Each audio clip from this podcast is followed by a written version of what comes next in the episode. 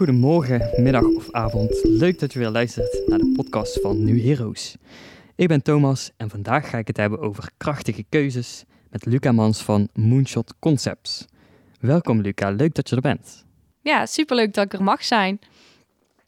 Uh, heb je al ooit een podcast opgenomen of is dit de eerste keer? Nee, dit is echt de eerste keer. Ik ben zelf heel erg fan van uh, luisteren naar podcasts en over allerlei onderwerpen. En nu vind ik het eigenlijk wel heel leuk om uh, er zelf voor het eerst een op te nemen. Ja, een beetje spannend ook? Of, uh... Nee, het valt eigenlijk wel mee. Ik vind het wel leuk om over dit soort onderwerpen te, te denken en te praten. Nou, hartstikke goed. jij bent mede-eigenaar bij Moonshot Concepts. kan je kort vertellen wat jullie doen? Ja, absoluut.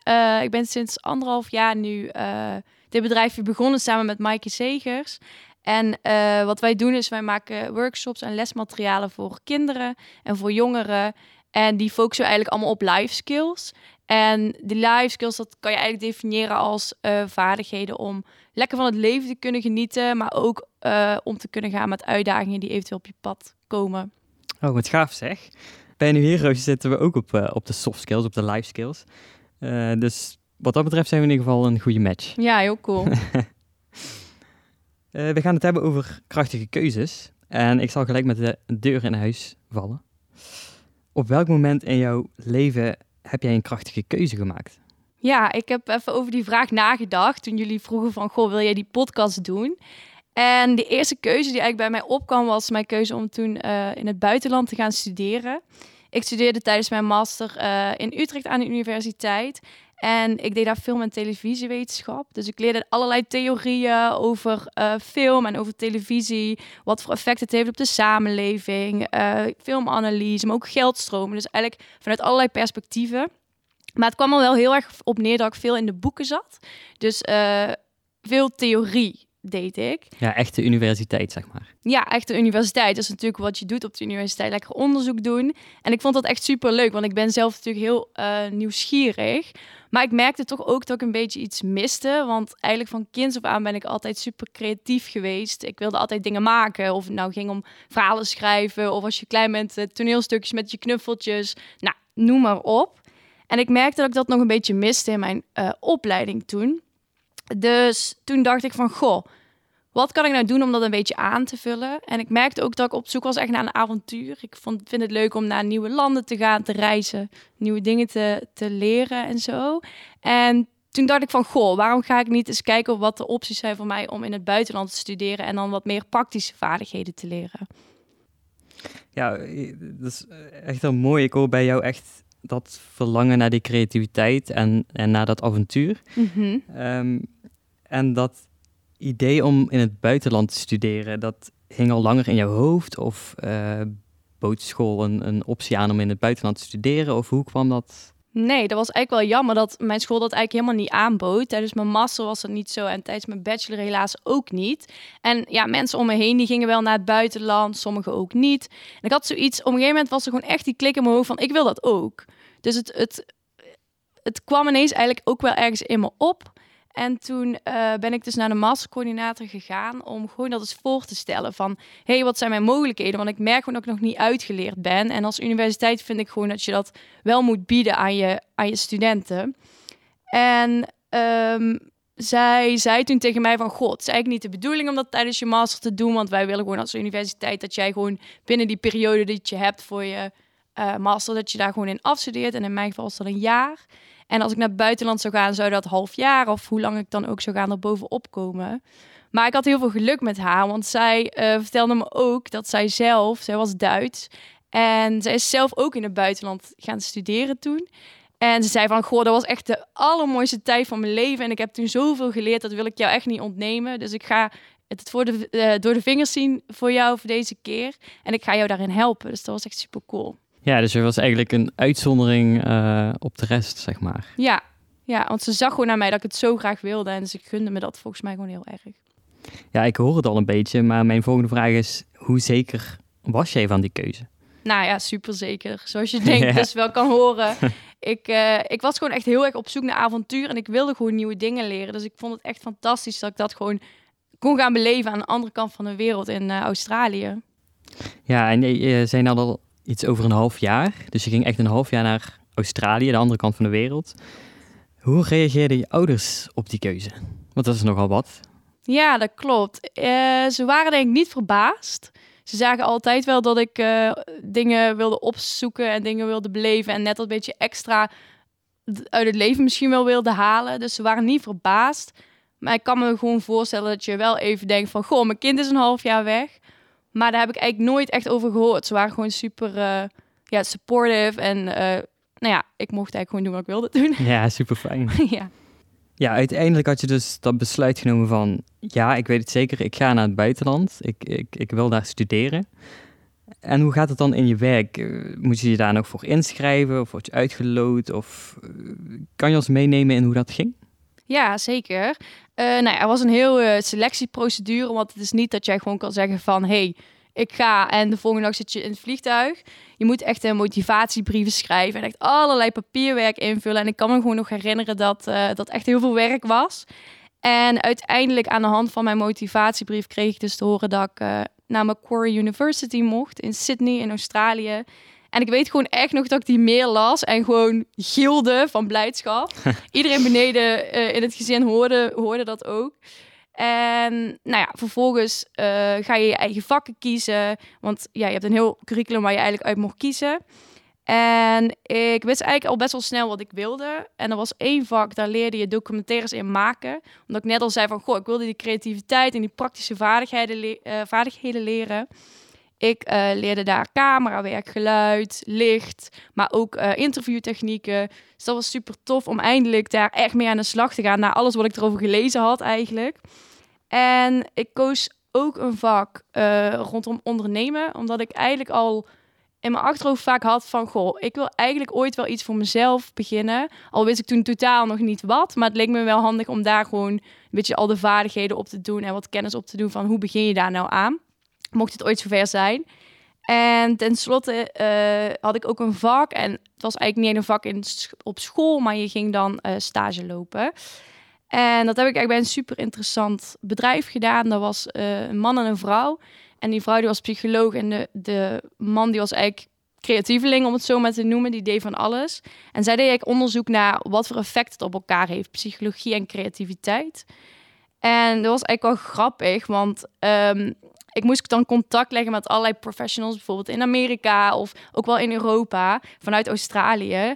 En op een dag komt die baas, die komt bij me en die geeft me een soort uh, brief met allemaal uh, namen erop die hij ooit zou willen interviewen. Dus ik denk, oké, okay, is goed, ik ga eens lezen. Staat erop J.K. Rowling, Oprah Winfrey. Oh, wow. De grote namen waarvan je denkt, hoe moet ik daar in godsnaam bij terechtkomen? Ja, dat snap ik wel, ja. Dus dat was echt een enorme uitdaging. Maar ja, ik nam het wel serieus. En toen heb ik echt, uh, weet je, tijdsverschil, nachtenlang zitten bellen met ja, de andere kant van de wereld. En ik kreeg echt vage reacties. Want ja, bel maar gewoon eens een agency op en vraag... mag ik de contactgegevens van J.K. Rowling? Tuurlijk zeggen ze dan niet meteen ja, maar ik, ik dacht van, ik, ik probeer het gewoon.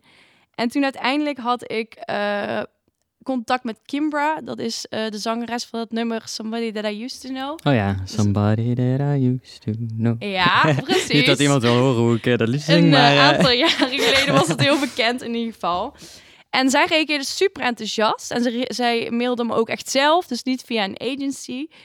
En um, ja, ze wilde dat interview al doen. Dus ik super blij, ging naar mijn baas toe. En echt zijn mond viel open. Want hij zei van, ik had je meer die lijst een beetje voor de grap gegeven. Gewoon, tuurlijk wil ik die mensen interviewen. Maar ik had niet verwacht dat het je ooit zou lukken. Dus hij had er een beetje een grapje in zijn hoofd van gemaakt. Maar ja, ik heb hem wel gewoon... Uh, wel iemand binnengehaald. Dus daar was ik wel best wel trots op. En dat was gewoon een heel grappig moment. Ja, ja, dat snap ik wel, ja. hey, en waarom Australië? Ja, dat is best een goede vraag. Ik weet niet of ik toen zozeer in mijn hoofd had, ik wil per se naar Australië. Eigenlijk niet. Ik wist vooral dat ik ver weg wilde. En ik uh, moest dan voor die motivatiebrieven die je moest schrijven, moest je ook een top 3 geven van uh, nou ja, landen of universiteiten waar je heen wilde. Hmm. En daarin had ik uh, Canada staan en Australië. En dan verschillende universiteiten. En ik had vooral gezocht op ver weg en op dus die praktische vaardigheden. Ja, ja en, en zo is het Australië geworden.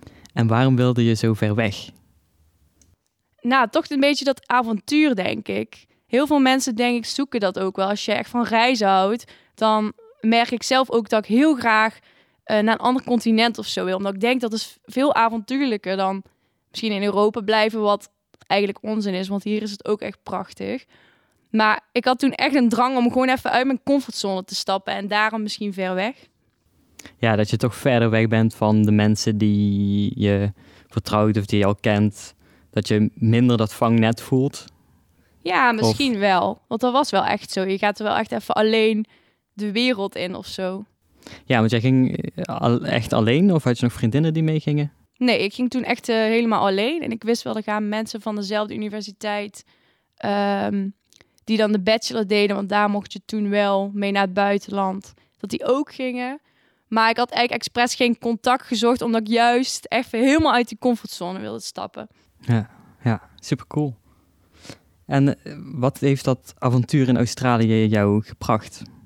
Ja, zo ontzettend veel. Dit vragen mensen me vaker. En er is niet echt één antwoord. Het heeft me echt zoveel gebracht. En ook de reizen die ik daar vanuit heb gemaakt.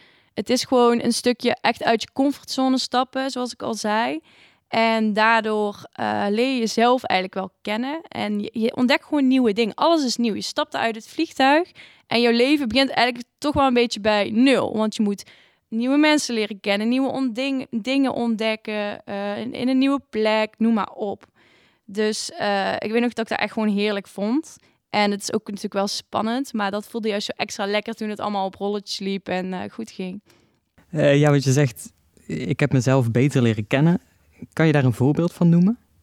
Um, specifiek voorbeeld vind ik soms lastig om te noemen.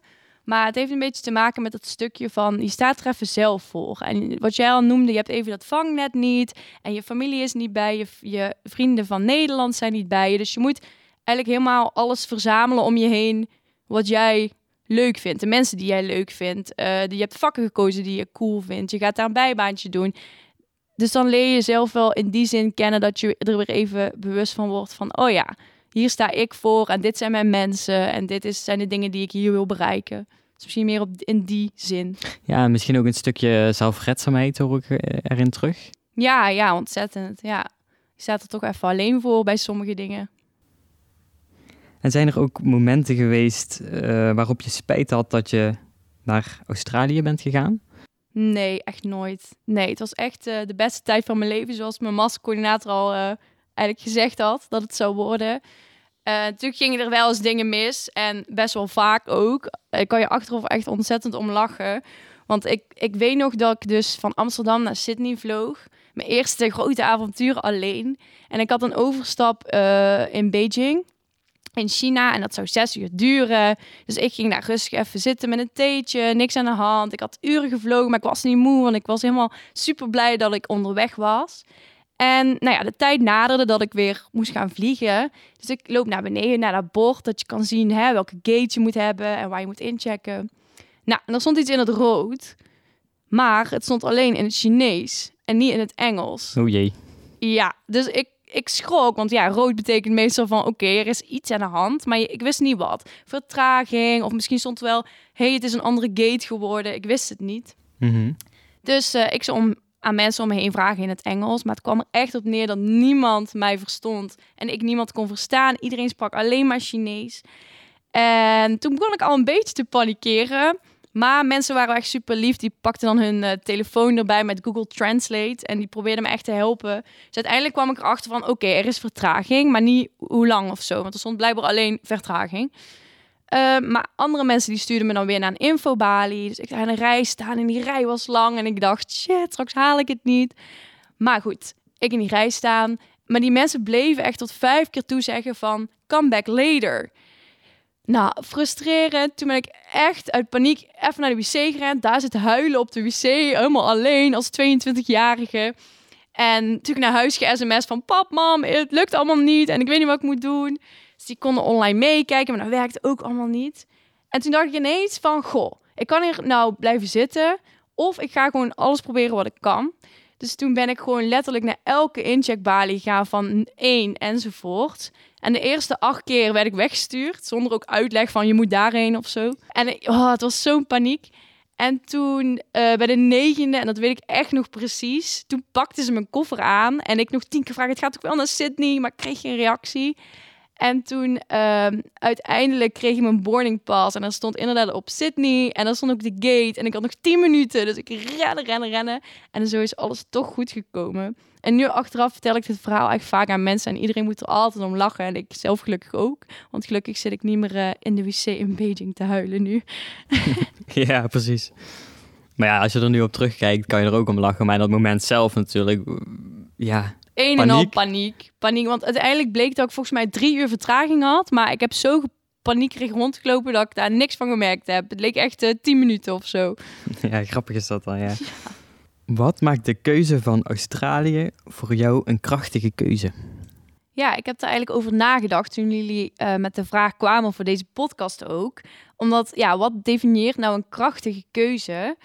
En ik denk voor mij persoonlijk dat een krachtige keuze nou, krachtig is als het uh, impact heeft op je leven. Want je maakt dagelijks natuurlijk tig keuzes, maar dat wordt gewoon eigenlijk van je verwacht. Hè? Ik kies wat ik op mijn boterham doe, ik kies de kleren die ik aandoe, maar die hebben verder niet per se heel veel effect op het pad wat ik in mijn leven insla. Dus ik denk dat dat enerzijds het is. En ik denk voor mezelf ook wel dat als er een beetje moed bij komt kijken en je stapt uit je comfortzone, dat dat ook wel van kracht getuigt. Ja, ja, interessant. En ook nu je dit zo zegt, uh, denk ik na over hoe dat dan is als kind. Daar was ik laatst al over na. Uh, als je bijvoorbeeld moet kiezen van wat voor sport ga je doen of welk instrument wil je bespelen. Die keuzes heb ik zelf ook gemaakt toen ik, nou pak een beetje 6, 7, 8 jaar was. En toen dacht ik helemaal niet na over de toekomst of wat voor impact dat zou hebben op mijn leven of wat het me zou opleveren. En mm naarmate je ouder wordt, wordt dat steeds belangrijker en ga je, eh, je bent echt op zoek naar een doel. Ja. En waar wil je naartoe? En welke keuzes maak je om steeds een stapje dichter bij dat doel te komen? Ja, precies. Dus op latere leeftijd wordt dat, denk ik, steeds meer belangrijker. En bewuster, denk ik ook. Ja, ja. Mhm. In 2019 heb je samen met Maaike Zegers Moonshot Concepts opgericht. En mijn vraag erover is hoe het was om die keuze te maken. Want dat is toch ook wel een krachtige keuze. Ja, het was super tof uh, om die keuze te maken. Want ik heb met Maaike uh, cultuurwetenschappen gestudeerd in Tilburg. En wij gingen altijd samen met de trein. En dan, dan kwamen er wel eens gesprekken voor waarin we tegen elkaar zeiden... Oh, we gaan niet uh, werken voor een baas, we gaan lekker iets voor onszelf beginnen. En dat begon eigenlijk altijd heel lacherig. En toen zijn we allebei een beetje onze eigen pad opgegaan. Natuurlijk wel vriendinnen gebleven. En toen uh, kwamen we elkaar ook weer tegen in loondienst. En we merkten gewoon dat we uh, nou, binnen loondienst heel graag een eigen verantwoordelijkheid uh, wilden hebben. En wilden meedenken met de belangrijke keuzes die er gemaakt werden. En dat zijn natuurlijk wel kenmerken die nou ja, ook wel terugkomen als jij je eigen bedrijf begint. Dus op een gegeven moment hadden wij zoiets van, we gaan het gewoon doen. Dus dat was gewoon heel erg tof. Dat je eigenlijk daar al lang over nadenkt, maar misschien niet zo serieus of zo bewust. En zo is het toch echt gegroeid tot uh, een realistisch en reëel iets. Ja, dat het begint met een fantasie en uiteindelijk wordt het werkelijkheid. Ja. En hoe kwamen jullie dan op het idee om iets te gaan doen met life skills, met soft skills? Ja, nou, uit uh, onderzoeken blijkt eigenlijk steeds meer dat uh, mensen last krijgen van depressies of angsten of allerlei onzekerheden. En dat zien we helaas niet alleen bij volwassenen, maar ook steeds meer bij kinderen. En wij merken van, goh, er worden allerlei oplossingen aangeboden om deze problemen eigenlijk tegen te gaan. Je kan met een psycholoog gaan praten, uh, mediteren, noem maar op. Er zijn echt allerlei mogelijkheden. Maar wij dachten van, hoe mooi zou het zijn als jij mensen tools kan geven die preventief werken. Dus dat jij de vaardigheden hebt om um, om te gaan met dat soort uitdagingen. Als zij misschien nog niet helemaal aan de hand zijn of zo. Maar dat je gewoon daar uh, skills voor leert. En dat was eigenlijk de startgedachte die we hadden voor uh, Moonshot Concepts ook. Um, en daarnaast zijn wij met kinderen en jongeren aan de slag gegaan. Omdat wij denken dat, dat het daar eigenlijk al begint. Uh, als jij dat een beetje kan integreren op school, dan kunnen zij daarmee verder binnen het klaslokaal, maar ook zeker later daarbuiten. En um, het gaat dan een beetje om dat je jezelf goed leert kennen en ook connecties met anderen leert leggen en een beetje je plek in de wereld begrijpt. En daarvoor zijn dus eigenlijk die vaardigheden nodig. En dat noemen wij dan life skills. En nou ja, we vonden het gewoon opvallen dat er binnen het curriculum van nu eigenlijk nog niet zoveel aandacht voor was. Vaak tussen de bedrijven leer leer je wel echt samenwerken en misschien jezelf kennen. Maar het is toch vooral gefocust op die praktische vaardigheden. Het leren rekenen, lezen, uh, ja, noem maar op. Maar wij denken dus dat life skills eigenlijk zo belangrijk zijn dat ze best echt een, uh, een onderdeel mogen worden van het curriculum. En dat er ook afgebakend echt aandacht voor zou moeten zijn. En uh, daarom zijn we daar eigenlijk mee begonnen. Dus dat bieden wij dan aan aan scholen. En is dat ook iets wat jij miste tijdens jouw uh, basisschoolcarrière, zou ik het maar even noemen? Ja, kijk, als kind denk je daar natuurlijk misschien niet zo heel veel over na. Maar achteraf terugkijken naar die tijd, dan was dat eigenlijk niet zo aan de orde, inderdaad. Kan je nog iets meer vertellen over hoe jullie dan bijdragen aan die persoonlijke ontwikkeling van juist kinderen en jongeren? Ja, absoluut. Uh, we zijn er echt achter gekomen dat niet iedereen dezelfde vaardigheden in het leven nodig heeft. Want bijvoorbeeld als jij uh, als enig kind opgroeit en eigenlijk niet zoveel contact hebt met anderen en je komt ineens in een klas met heel veel klasgenootjes, dan heb jij misschien behoefte aan hè, meer die connectieskills. Maar als jij als kind heel onzeker bent, dan heb je meer vaardigheden op dat gebied nodig. Dus um, wij houden hier ook wel echt rekening mee in onze workshops. Want het is juist zo mooi dat iedereen eigenlijk verschillend is. Want dat blijft als volwassenen ook. Dus onze programma's zijn ook niet one size fits all. Wij uh, geven natuurlijk een bepaalde sturing aan de workshops. Zodat ja, die leerlingen wel de opdracht goed kunnen begrijpen. Maar op een bepaalde manier houden we het ook open, zodat ze het zelf kunnen interpreteren. Want er zijn gewoon geen foute antwoorden of uitwerkingen mogelijk, hè, omdat het gewoon voor jou persoonlijk is. En een voorbeeld daarvan is dat wij vorig jaar op een beurs hebben gestaan met de vraag: uh, wat is jouw ultieme geluksmoment?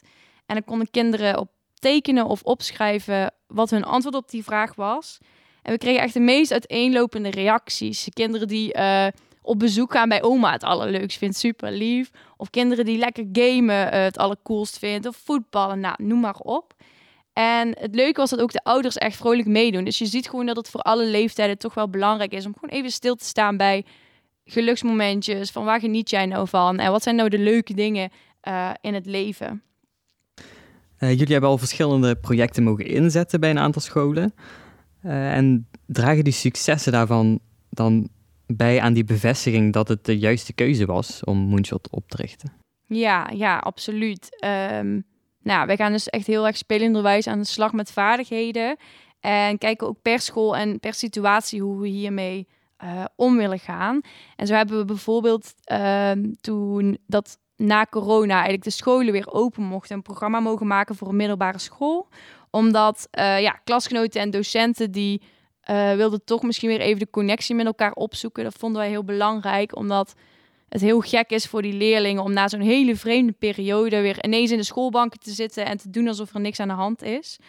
En uh, daar, ja, connectie maken stond dus echt centraal. En er werd ook teruggeblikt op die vreemde periode, maar ook zeker even vooruit gekeken. Dat vinden we altijd belangrijk. Van kom, we gaan er weer positief tegenaan.